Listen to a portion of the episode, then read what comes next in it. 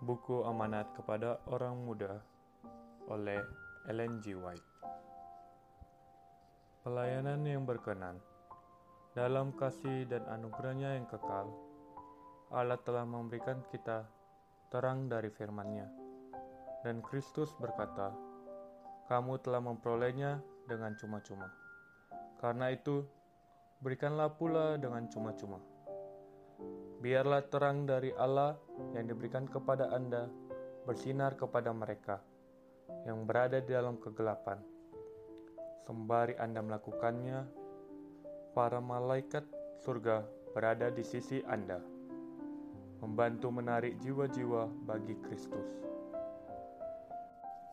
Para pemuda yang terkasih, ingatlah bahwa tidak perlu harus menjadi pendeta yang diurapi untuk dapat melayani Tuhan.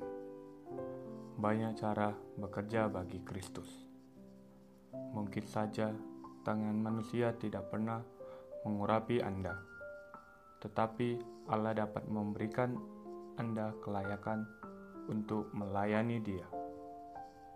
Ia dapat bekerja melalui Anda, menyelamatkan jiwa.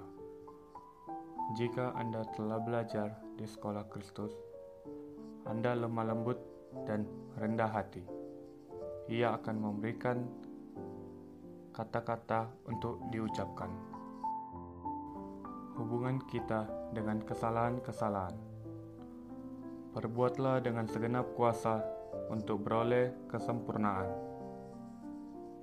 Namun, jangan berpikir karena melakukan kesalahan, Anda dikeluarkan dari pekerjaan Allah Tuhan mengetahui hal ikhwal kita. Ia tahu kita berasal dari debu. Sementara Anda setia menjalankan talenta yang diberikan Allah. Anda akan beroleh pengetahuan yang membuat Anda tidak puas dengan diri sendiri. Anda akan lihat perlunya menyingkirkan kebiasaan yang berbahaya agar jangan melalui teladan yang salah anda melukai orang lain. Rajinlah bekerja, sampaikanlah kebenaran yang berharga itu kepada orang lain.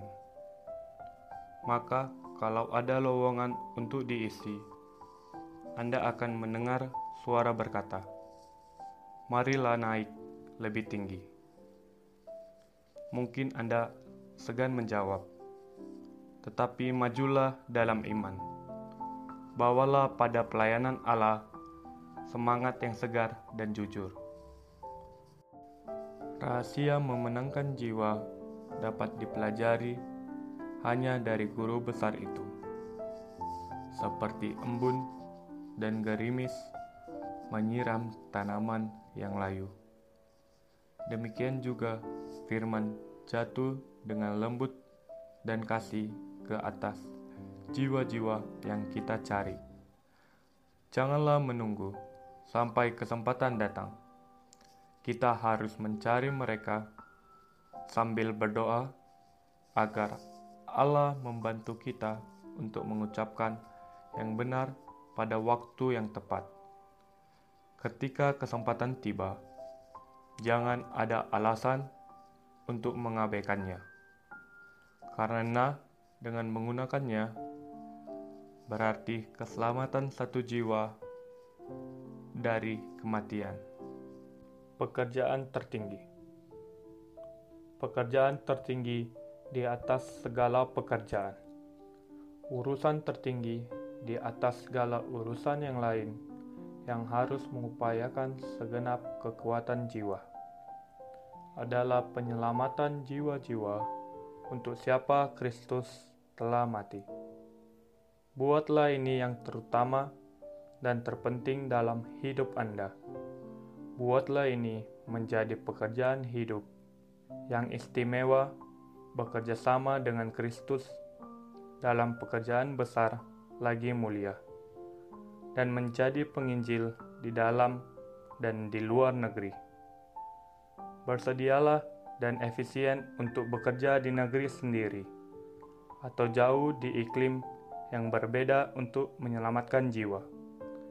jalankanlah pekerjaan Allah, serta peragakanlah iman ke Anda kepada Juru Selamat oleh bekerja untuk orang lain.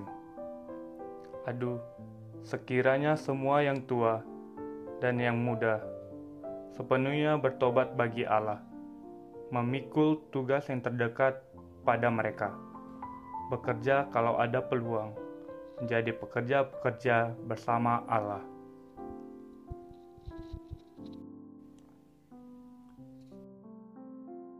Kesetiaan dalam pelayanan mereka yang tidak setia dalam hal-hal duniawi, yang terkecil akan tidak setia dalam tugas yang besar dan penting. Mereka akan merampok Allah, serta gagal memenuhi tuntutan hukum ilahi. Mereka tidak insaf bahwa talenta mereka milik Allah dan harus diabdikan pada pekerjaannya. Mereka yang tidak berbuat sesuatu untuk majikannya kecuali yang telah diperintahkan kepada mereka. Padahal mereka sadar bahwa kemakmuran pekerjaan itu tergantung pada usaha tambahan mereka. Akan tidak dihitung sebagai hamba yang setia. Banyak hal yang tidak dirinci untuk dikerjakan, yang langsung di bawah perhatian para pekerja Kerusakan dan kerugian dapat terhindar kalau saja dengan usaha kerja keras dan rajin. Jika prinsip kasih yang dilimpahkan Yesus memenuhi hidup mereka yang mengaku namanya. Tetapi banyak yang bekerja di ladang Allah sebagai hamba upahan. Ketidaksetiaan dicatat bentuk sifat mementingkan diri sendiri yang paling menjijikkanlah, yang menuntun pekerja melalaikan penggunaan waktu dan memelihara properti, karena ia tidak langsung diawasi oleh majikan. Tetapi, apakah para pekerja seperti itu membayangkan bahwa kelalaian mereka diperhatikan, ketidaksetiaan mereka dicatat, Sekiranya mata mereka terbuka, mereka akan melihat bahwa sang penjaga mengawasi, dan semua kelalaian mereka dicatat dalam buku-buku surga. Mereka yang tidak setia pada pekerjaan Allah kurang dalam prinsip. Motif mereka bukan karakter yang menuntun untuk memilih yang benar di dalam keadaan apa pun para hamba Allah haruslah setiap saat merasakan bahwa mereka senantiasa diawasi oleh majikan mereka. Ia yang mengawasi pesta nista Sajar hadir pada semua lembaga kita.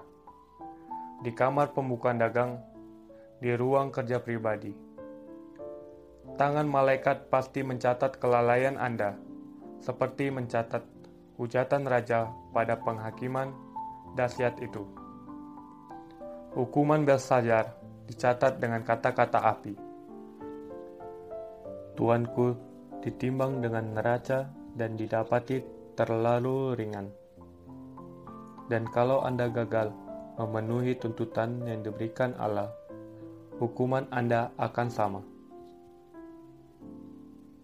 Maut sejati dalam pelayanan banyak yang mengaku Kristen, tidak satu dengan Kristus. Hidup mereka sehari-hari, roh mereka menyaksikan bahwa Kristus, harapan yang mulia itu, tidak ada di dalam hati mereka. Mereka tidak dapat diandalkan dan tidak dapat dipercayai. Mereka ingin mengurangi pelayanan dengan upaya sedikit dan pada waktu yang sama mereka menerima gaji sebesar-besarnya. Nama hamba berlaku pada semua orang, karena kita semua adalah hamba, dan baik sekali untuk meneliti sifat apa yang kita hidupkan. Apakah sifat tidak setia atau kesetiaan? Apakah itu ketentuan umum di antara para hamba yang bekerja sebanyak mungkin? Bukankah ketentuan yang lazim cenderung untuk bekerja secepatnya, segampang mungkin, dan menerima gaji setara dengan usaha sekecil mungkin itu? Tujuannya bukan supaya sesak sama mungkin akan tetapi memperoleh upah. Mereka yang mengaku hamba Kristus, jangan lupa akan perintah Rasul Paulus. Hai hamba-hamba, taatilah Tuhanmu yang di dunia ini dalam segala hal. Jangan di hadapan mereka saja untuk menyenangkan mereka, melainkan dengan tulus hati karena takut akan Tuhan. Apa pun juga yang kamu perbuat, perbuatlah dengan segenap hatimu, seperti untuk Tuhan dan bukan untuk manusia. Kamu tahu bahwa dari Tuhanlah kamu akan menerima bagian yang ditentukan bagimu sebagai upah. Kristus adalah Tuhan dan kamu hamba-hambanya. Mereka yang masuk kerja sebagai hamba yang harus diawasi akan didapati tidak bisa diawasi oleh manusia maupun malaikat. Hal yang perlu untuk berhasil adalah pengetahuan akan Kristus, karena pengetahuan ini memberikan prinsip yang dalam dan benar. Membagikan roh yang mulia dan murah hati, seperti juru selamat kepada siapa kita mengabdi, kesetiaan, kehematan, kepedulian, ketelitian harus menjadi sifat-sifat dari semua pekerjaan kita, di mana pun Anda berada. Apakah di dapur, di ruang kerja, di kantor, percetakan, di rumah sakit, di perguruan tinggi, atau di mana pun kita dipekerjakan di dalam kebun anggur Tuhan. Barang siapa setia dalam perkara kecil, ia setia juga dalam perkara-perkara besar. Dan barang siapa tidak benar dalam perkara-perkara kecil, ia tidak benar juga dalam perkara-perkara besar.